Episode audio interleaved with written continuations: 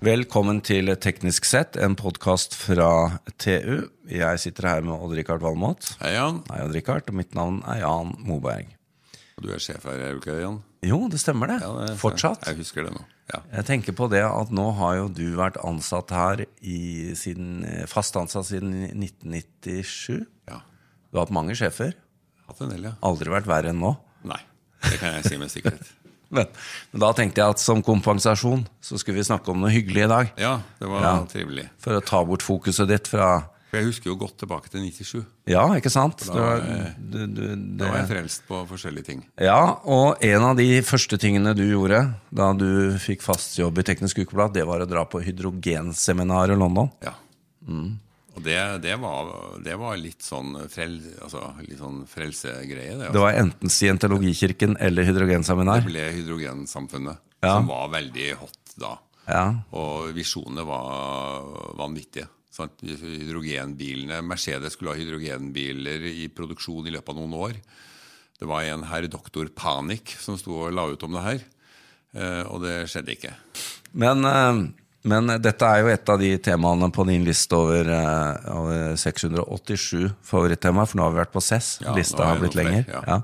Som har vært helt oppe i toppen, og så har den rast ned mot bunn, og så har den kommet høyt opp igjen. Kommet egentlig veldig høyt de siste åra. Hvorfor det? Jo, for jeg tror hydrogen Vi trenger hydrogen. Ja. Og så ser jeg jo hver gang jeg skriver om det, så blir spaltene fulle av kommentarer at vi eh, Hva skal vi med hydrogen? Vi har jo el elbilen.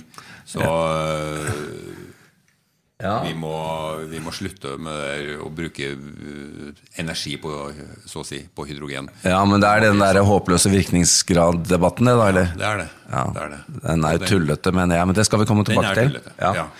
Men eh, for å du har, jo, du har jo fått litt voksenopplæring underveis, du også, akkurat som eh, vi gjør. Og da, i dag, så for å snakke litt om hydrogen, da, så har vi fått med oss markedsdirektør for hydrogenteknologi i Sintef, Steffen Møller Holst. Velkommen.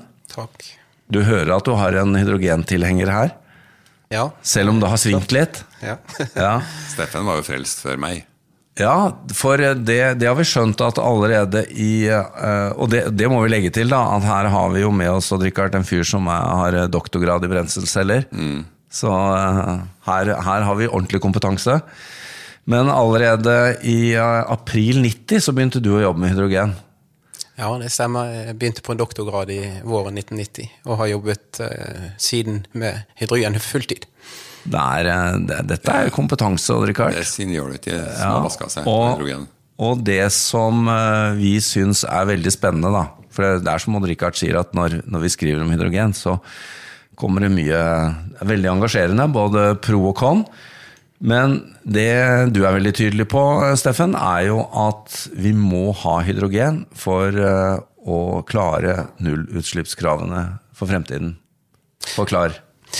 Ja, Det vi ser helt tydelig med de ambisjonene vi har om, om karbonnøytralitet og, og, og 1,5 graders mål etter Parisavtalen, vi ser bare enda tydeligere i dag at vi har ingen mulighet til å nå målene eh, om lavutslippssamfunnet uten å ta i bruk hydrogen. Men, men eh, ta i bruk hydrogen. altså i, I Norge nå så er det jo veldig diskusjoner om hydrogen, og vi tenker og drikker mye på personbiler og den type ting.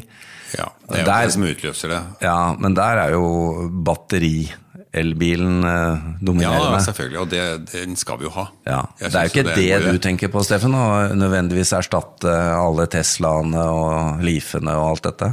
Nei, altså hydrogen strekker seg langt utover personbilmarkedet her. Mm. Det kommer nok til å bli viktig i personbilmarkedet også, men der vi ser at hydrogen utmerker seg eh, sammenlignet med batteri, er der man skal kjøre langt, og man har tunge kjøretøyer eller fartøyer. Så, så, og, og hva, er, hva er status på dette området nå i dag, da, fra perspektivet ditt? Ja, det vi ser er at eh, der man i mange år fokuserte på personbiler, eh, så ser man nå at man eh, går i retning av å, å bygge lastebiler. Asko får sin første lastebil på veien i, Trondheim nå i løpet av våren.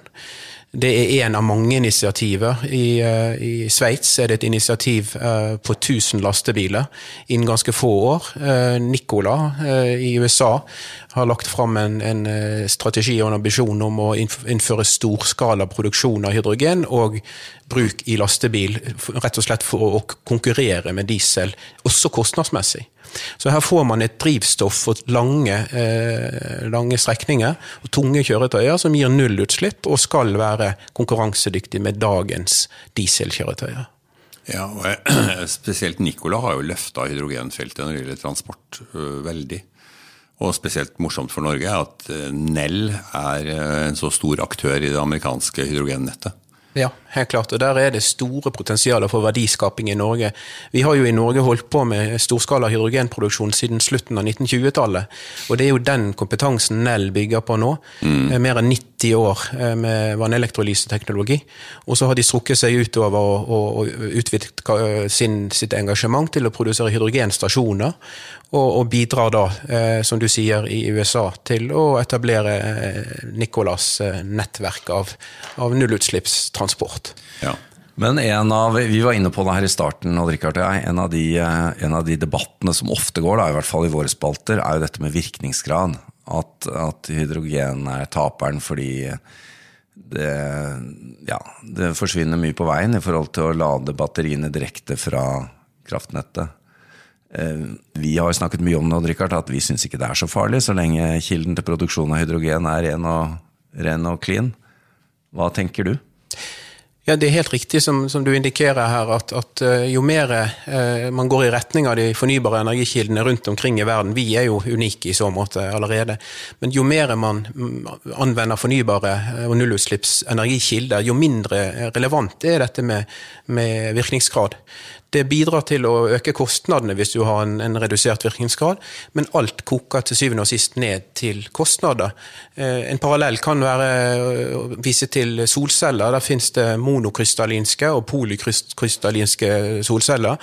De monokrystallinske er dyrere enn de polykrystallinske, men alt vil til syvende og sist koke ned til kostnader. Ja. Virkningsgraden er mm. kanskje 20-25% men gud, vi bruker stadig mer solceller. Og lav virkningsgrad det reduserer eh, hvor mange kilowattimer man får ut av solcellen. Men hvis den er konkurransedyktig på pris, så bruker du den. Så pris avgjør. Hvis man skal se til naturen da, med dårlig virkningsgrad, så er jo fotosyntesen et interessant aspekt. Den er jo elendig. Ja. Sant? Det er jo ikke mye av sola som blir konvertert. Men, Men det tikker og går. Planter har vi. ja, ja. Eh, jeg tenkte det er jo viktig med det perspektivet uh, i, som dere har i Sintef også, Steffen. Med, med hva, er det, hva er det markedene, da, landene rundt oss, kommer til å etterspørre. Vi er jo vant til i Norge å være en energinasjon.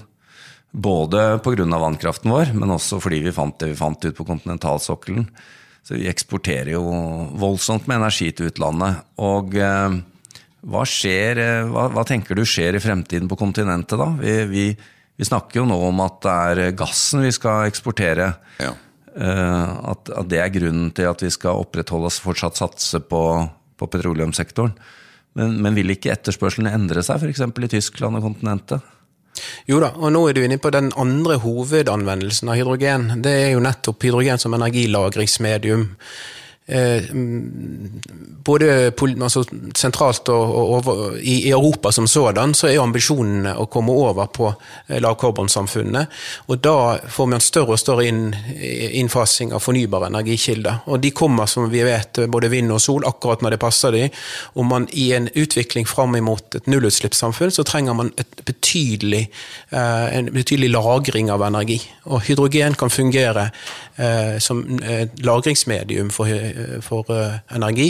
I tillegg til det som vi ofte har fokusert på, iallfall de ti første årene du var i mm. drift, og Oddrikar. Ja. Da var det drivstoff som var på en måte den eneste ja, ja. hoveddrivkraften. Transport, ja. Mm. Men nå er, i tillegg så er det kommet inn denne drivkraften i form av at du trenger et, et storskala energilagringsmedium.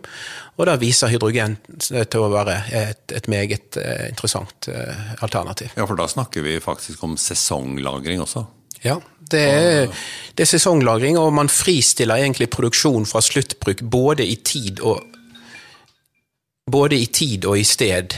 Eh, Altså, man kan produsere et sted og, et sted og transportere det til et annet sted. Og bruke det til en, en annen tid. Så det, det, det fristiller både tidsmessig og geografisk. Og dette er det da, skjønner jeg, flere store konserner som har ikke, ikke bare oppdaget, men som satser på i fremtiden? Ja, det, det, er jo gjort vurderinger i, i, i eh, Tyskland bl.a. der man ser på hvordan Hvis man skal nå ambisjonene om et nullutslippssamfunn i 2050, så må man lagre store mengder energi. og Der viser Siemens bl.a. At, at eh, hydrogen, man kommer ikke utenom hydrogen fordi det kan lagre store energimengder over lang tid. Vi, eh, og, det, og, det, er jo superspennende, fordi uh, det er litt tilbake med dette med virkningsgrad også. Vi, eh, vi har jo i Norge eh, bra vindforhold i Finnmark. Eh, og Richard har tidligere i podkaster snakket om at det burde vi bruke egentlig bare til å sette opp noen store turbiner og produsere energi. Det er ikke så farlig hvorvidt vi kan levere det på et strømnett, så lenge vi kan lage hydrogen. Ja, det stemmer godt. Vi har en fantastisk vindressurs som eh, inntil videre er i hvert fall innestengt på, i, Finnmark. Eh, veldig begrenset nettkapasitet. Eh, og med de vindforholdene der oppe som er av de beste i, verden, så, så, er det jo hydrogen sannsynligvis den eneste måten vi vil kunne utnytte denne såkalte innestengte vindkraften. Jeg syns også Richard, at det er spennende som vi var inne på her før sending, å snakke litt om, eh, om dette med hydrogenens egenskap. Og da er jeg inne på transport igjen, i forhold til, eh, til batteri, rene batteritransport. da. Mm. Så er hydrogenens egenskap via en brenselcelle at det gir samme rekkevidde, Steffen, uavhengig av temperatur f.eks.? Ja, altså en brenselcelle eh, og en hydrogenløsning er mye mindre avhengig av, av om, omgivelsens temperatur. Ja. Så, eh, så, min Mirai, Toyota Mirai har en rekkevidde på 500-600 km i minus 10 grader. Ingen problem å nå samme rekkevidde som ved 20 grader. Og I tillegg så får du eh, varme, og det trenger vi jo halve året i bilen, fra brenselcella.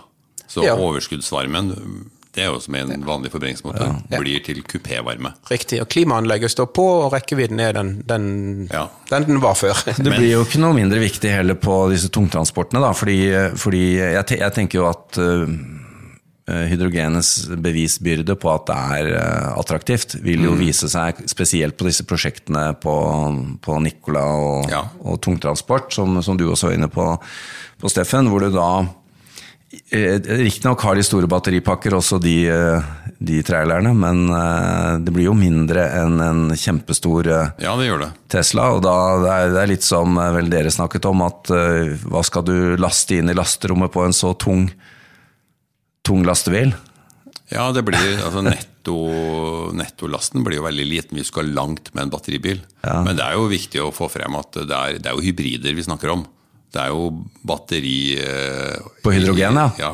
Men på disse Tesla-truckene så er det jo ren batteri. Det er ren batteri, ja. klart det. Ja. Så disse hydrogenbilene, eller transport, eh, altså trailerne til Nikla, vil jo da antagelig kunne ha tyngre last da, enn eh, vi får se. Ja, de vil nok ha atskillig høyere last. ja. ja. lengre rekkevidde og høyere lastekapasitet, for du har en total kapasitetsbegrensning på 50 tonn i Norge. Og, eh, og, Det er viktig her å nevne også at eh, det blir hybridløsninger, som du sier. For du ønsker å regenerere bremseenergi. og Derfor vil du alltid ha i framtidens eh, drivlinjer på, i kjøretøyer, både små og store, mm. så vil du ha et batteri som ivaretar bremseenergi. Ja. Nei, det er klart Når du skal bremse ned Rocky Mountains i USA, så, så blir det generert mye energi når du har 50 tonn bak deg. Ja. Og så bør det jo nevnes at, at, Scania er de som står bak å bygge om uh, bilene til Asko. Så det er fire-fem uh, initiativer internasjonalt. Hundai er de som er mest progressive nå på, på, uh, og konkrete på, på, lastebil. De skal produsere 1000 lastebiler, og det har de bestemt seg for nå. Så, så de snuser litt på Nicolai i så måte, og er langt framme. Det er jo det er også verdt å nevne da, at uh, vi hadde jo en sak her var det forrige uke om, om uh, Norled, altså hvor det blir bygget uh, ferjer. Ja. Hydrogendrift i Norge. Det kommer nå. Og noe av uh, årsaken til å velge det er jo også industrialisering av produksjon lokalt. Det er også noen spennende tanker, Steffen, som du må fortelle om? Ja, det er veldig spennende det som skjer nå. Eh, vi ser jo konturen av at vi tar i bruk eh, hydrogen som drivstoff i tyngre og tyngre kjøretøyer og fartøyer. Og da er det jo interessant å produsere eh, drivstoffet lokalt. Mm. Og er det et sted der det er mye småkraft tilgjengelig, så er det på Vestlandet i de bratte fjordene. Eh, til dels veldig høye, eh, altså begrenset nettkapasitet, og, og deler av, av, disse fjordene ligger i områder der det ikke er nett. Så alternativet ja, Litt som Finnmark? Som Finnmark, ja. i prinsippet. Og det vi ser er at hvis man uh, har Man har til og med noen konsesjoner som er gitt allerede, men man kan benytte innestengt kraft til å produsere hydrogen, og da får man ved vannelektrolyse også eh, betydelige mengder oksygen. Og oksygen kan benyttes i oppdrettsanlegg og smoltanlegg for å øke veksten. Eh, og her har vi ambisjoner nasjonalt om å femdoble eh, oppdrettsnæringens volum. Mm. Og Så her vil hydrogen kunne spille en svært interessant rolle. Ja, For da får du utnytta begge gassene vi produserer? Du kan altså utnytte både oksygen og hydrogen, og varmen som kommer fra elektrolysøren utgjør ca. 30 eh, av den strømmen som går inn, den blir til varme i en elektrolysør. Og den kan utnyttes for å holde stabil temperatur i, i smoltanlegget. Ja, for i dag så transporterer vi oksygen på trailer, gjør vi? Ja, eller du legger elektrolyseanlegget like ved smoltanlegget, så, ja. så, kan du rett og slett bare slippe oksygenet inn direkte i, i, i merdene. Det er rene kinderegget, det her? Og, og ja, dette er virkelig et kinderegg, altså. det ja. må, og det må vi se nærmere på. Jeg syns også en annen ting som fortjener å, å få litt rampelys når det gjelder hydrogen, og det er jo alt det andre som vi skal avkarbonisere. Og der syns jeg jo stålindustrien er interessant, altså. Det er ikke smatteri av bokstavelig talt kull de bruker for å fjerne oksygenet i jernmalmen. Ja, men ifølge Trump er det jo clean coal. Ja, det er det. Det er sant. Det hadde jeg glemt.